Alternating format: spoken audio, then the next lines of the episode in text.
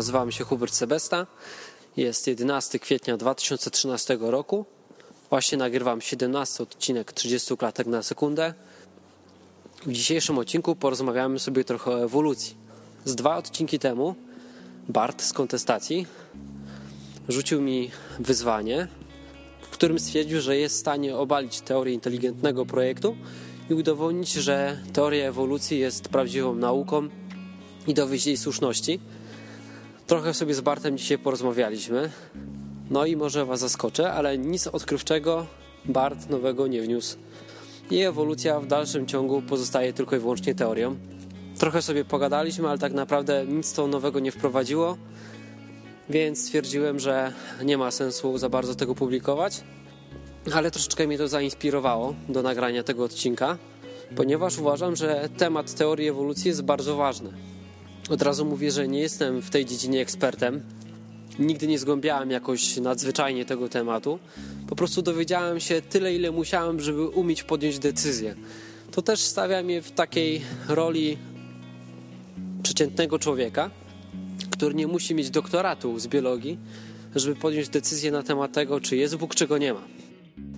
Niektórzy ludzie jakoś umieją sobie połączyć teorię ewolucji z Bogiem, ale jeśli się czyta Biblię, to widzi się, że to nie ma za bardzo sensu.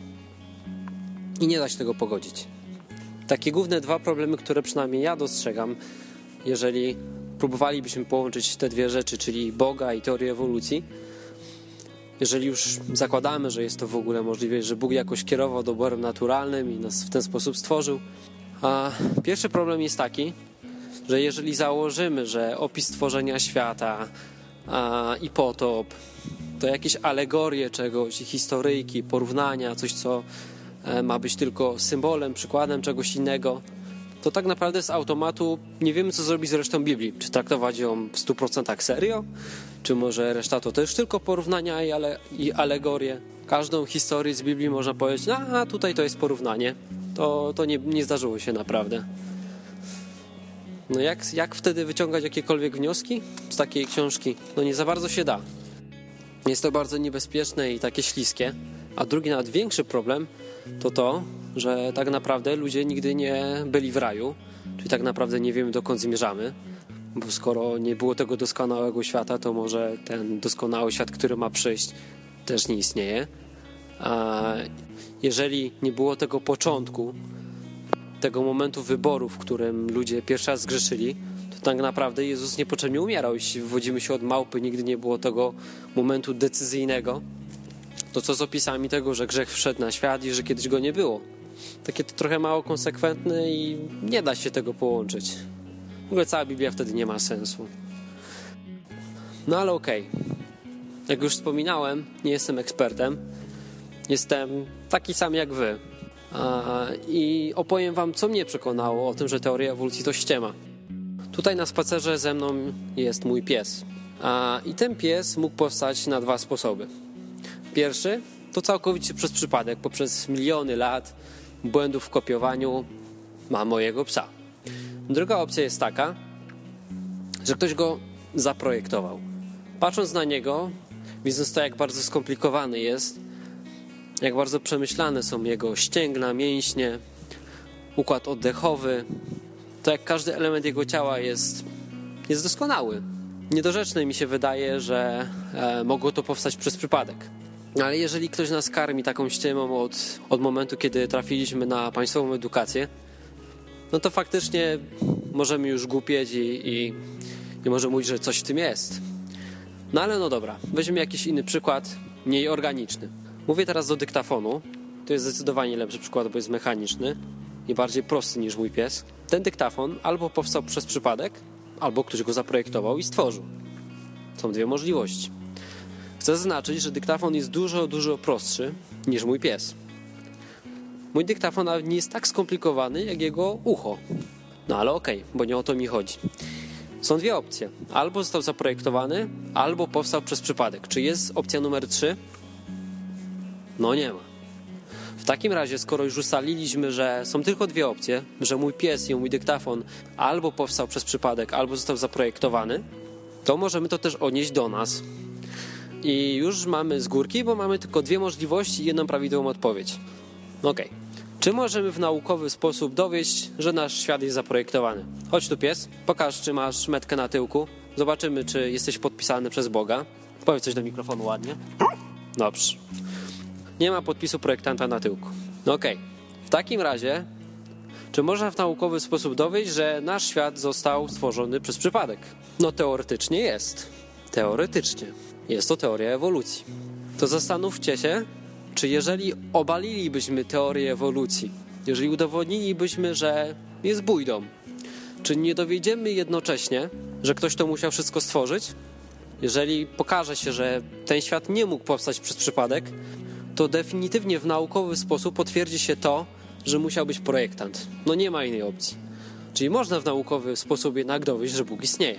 Pisałem sobie na kartce kilka takich prostych rzeczy, które e, mi wystarczają do tego, żeby podać wątpliwość całą teorię ewolucji. Nie są to skomplikowane rzeczy i każdy może sobie je sam sprawdzić.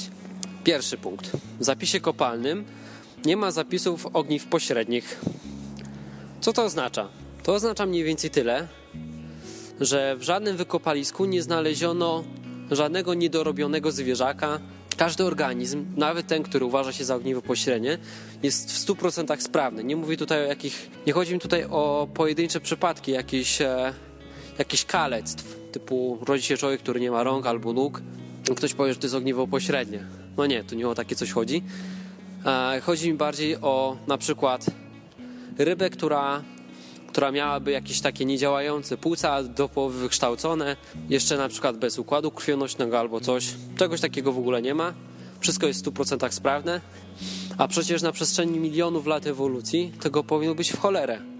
No bo a, zakładając, że przeżywają tylko najsilniejsze, najlepsze rozwiązania, to mój pies powinien być finalnym produktem jakiegoś najlepszego rozwiązania a gdzie są jego nieudane wersje?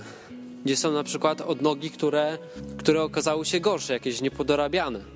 Kolejny punkt. Nie odnotowano żadnego przypadku ewolucji wprowadzającego nową funkcjonalność. Co to oznacza? A żaden organizm nie zyskał jakichś nowych zdolności, na przykład pies nie zaczął latać, albo kłod pływać pod wodą, mieć skrzela. No czegoś takiego po prostu nie ma. Owszem, istnieje ewolucja, jak najbardziej, ale taka, która nie wprowadza żadnej nowej funkcjonalności. Czyli na przykład ktoś może mieć więcej futra, może te futro być gęstsze, gęściejsze, a ktoś może mieć więcej lub mniej tkanki tłuszczowej, może być większy lub mniejszy, to też w jakichś ograniczonych ramach. Ewentualnie może się zmienić kolor, ale nigdy nie dojdzie nic nowego, na przykład psu wyrosną skrzydła.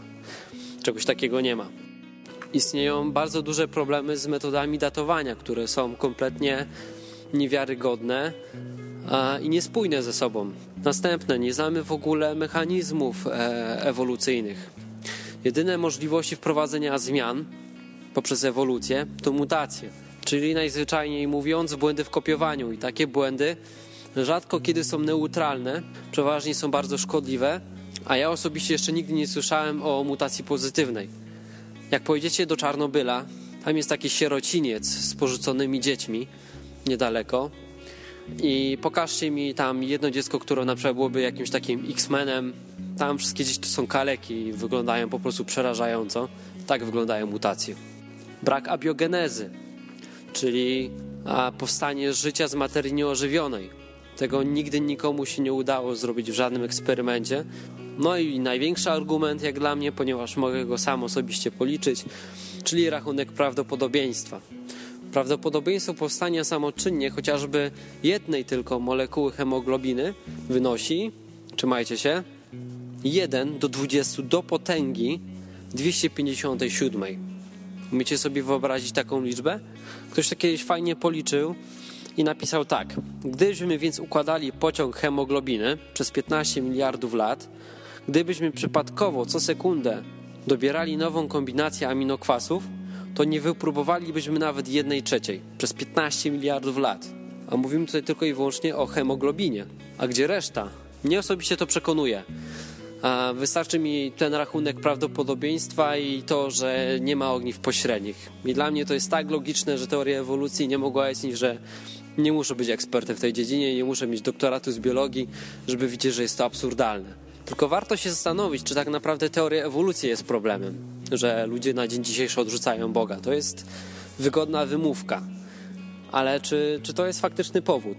I dzisiaj coś takiego właśnie zobaczyłem w trakcie wywiadu z Bartem. Bart nie przestał wierzyć w Boga ze względu na teorię ewolucji. To, to po prostu uspokoiło jego sumienie, że, że Boga po prostu nie ma. To było mu zdecydowanie łatwiej zaakceptować niż Boga, który mu się nie podoba. Bart powiedział, że nie może wierzyć w Boga, który jest niesprawiedliwy, który dopuszcza do tego, że na świecie jest tyle cierpienia, bólu, głodu. Pewnie w tym momencie, kiedy o tym mówię, gdzieś na świecie gwałcona jest kobieta. Ktoś zabija niewinne dziecko. Takie są fakty. I Bart ma rację. Ja też bym nie uwierzył w takiego niesprawiedliwego Boga. Problem w tym, że zarzucanie Bogu niesprawiedliwości w tym wypadku jest po prostu niezrozumieniem tego, co się wydarzyło na naszym świecie. A to nieporozumienie, jak zwykle, wynika z religijnego patrzenia się na Boga. Czyli po prostu z naszych stereotypów, które mamy w głowie. Ja też kiedyś miałem takie stereotypy. Każdy z nas je ma, każdy z nas ma takie naleciałości. A do czego by to najlepiej porównać?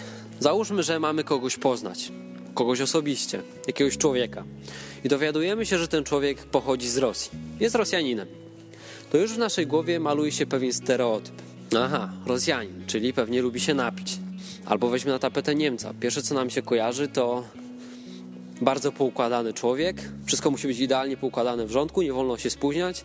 I dokładnie tak samo ludzie postępują z Bogiem, mają jakiś stereotyp, no bo religia to właśnie taki stereotyp, czyli czyli czyjeś wyobrażenie, które zostało nam przekazane. Tak naprawdę jeszcze nie znamy tego gościa, jeszcze nie znamy Boga, a już mamy wyrobioną jakąś opinię na jego temat. A jak później się z reguły okazuje, to stereotypy nie są prawdziwe, że każdy człowiek jest indywidualny. Tak samo jest z Bogiem. Ktoś, kto opiera swoje wyobrażenie Boga na religii, bardzo łatwo może się przejechać. No dobra, ale żeby to zrozumieć tak na poważnie, musimy się cofnąć całkiem, całkiem do początku, czyli do stworzenia świata. Bóg, kiedy tworzył ten świat, stworzył go idealnym. Nie było na świecie cierpienia, głodu, przemocy, nikomu nic nie brakowało. Było idealnie. Był to idealny świat. Świat, który znamy dzisiaj, to wrak.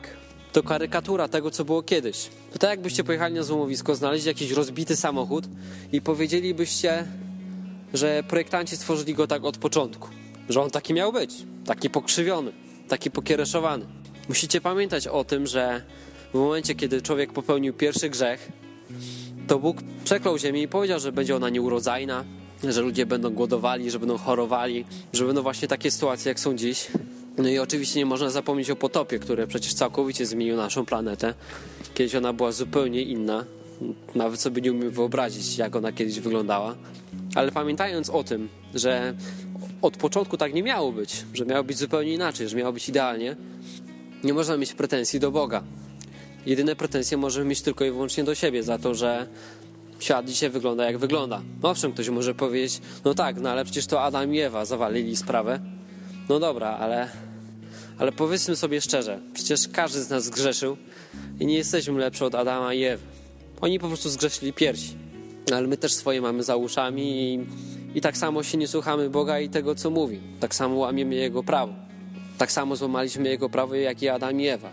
Więc jesteśmy odpowiedzialni sami za siebie.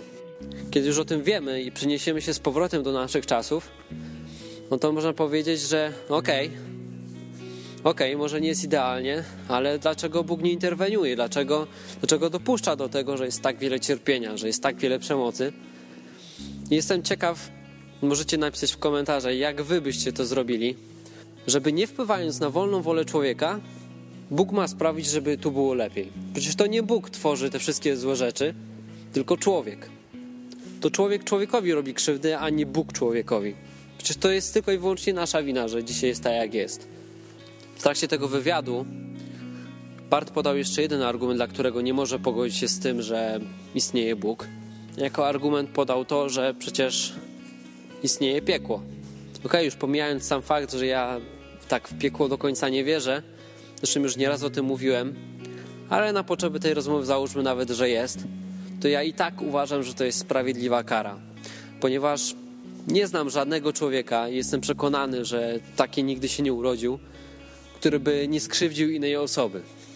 Mogę mówić sam za siebie, ja nieraz, ja nieraz zachowałem się obrzydliwie, nieraz sprawiłem, że ktoś przeze mnie płakał, Często nawet niespecjalnie, tylko przez swoją głupotę, przez jakąś swoją lekkomyślność. Co nie zmienia faktu, że i tak jestem zły i zasługuję na tą karę, jakakolwiek by ona nie była. Ludzie mają często takie wyobrażenie, że wystarczy być w miarę dobrym, że na przykład tam, nie wiem, przez 80% życia być w porządku, te 20% z jakichś naszych przewinień, to nic takiego.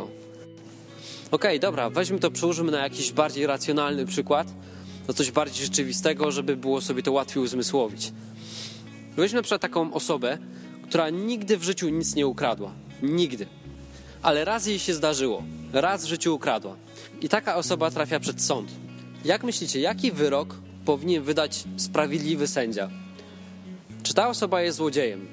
Większość swojego życia przeżyła ok, nigdy nic nie ukradła, ale raz jej się zdarzyło. Jak byście nazwali taką osobę? Czy jest złodziejem, czy nie? Może jakiś bardziej brutalny przykład. Ktoś przez większość swojego życia nigdy nikogo nie zabił. Raz tylko zdarzyło mu się kogoś zamordować. Czy to oznacza, że taka osoba nie jest mordercą, czy jest? No jest, złamała prawo. Zrobiła komuś krzywdę. I dokładnie tak samo jest z nami, tak samo będzie przecież na tym sądzie na końcu. Ten sąd specjalnie nie będzie się różnił od naszego sądu takiego ludzkiego. Jeżeli ktoś złamał prawo, no to jest winien przestępstwa, a karą za grzech jest śmierć.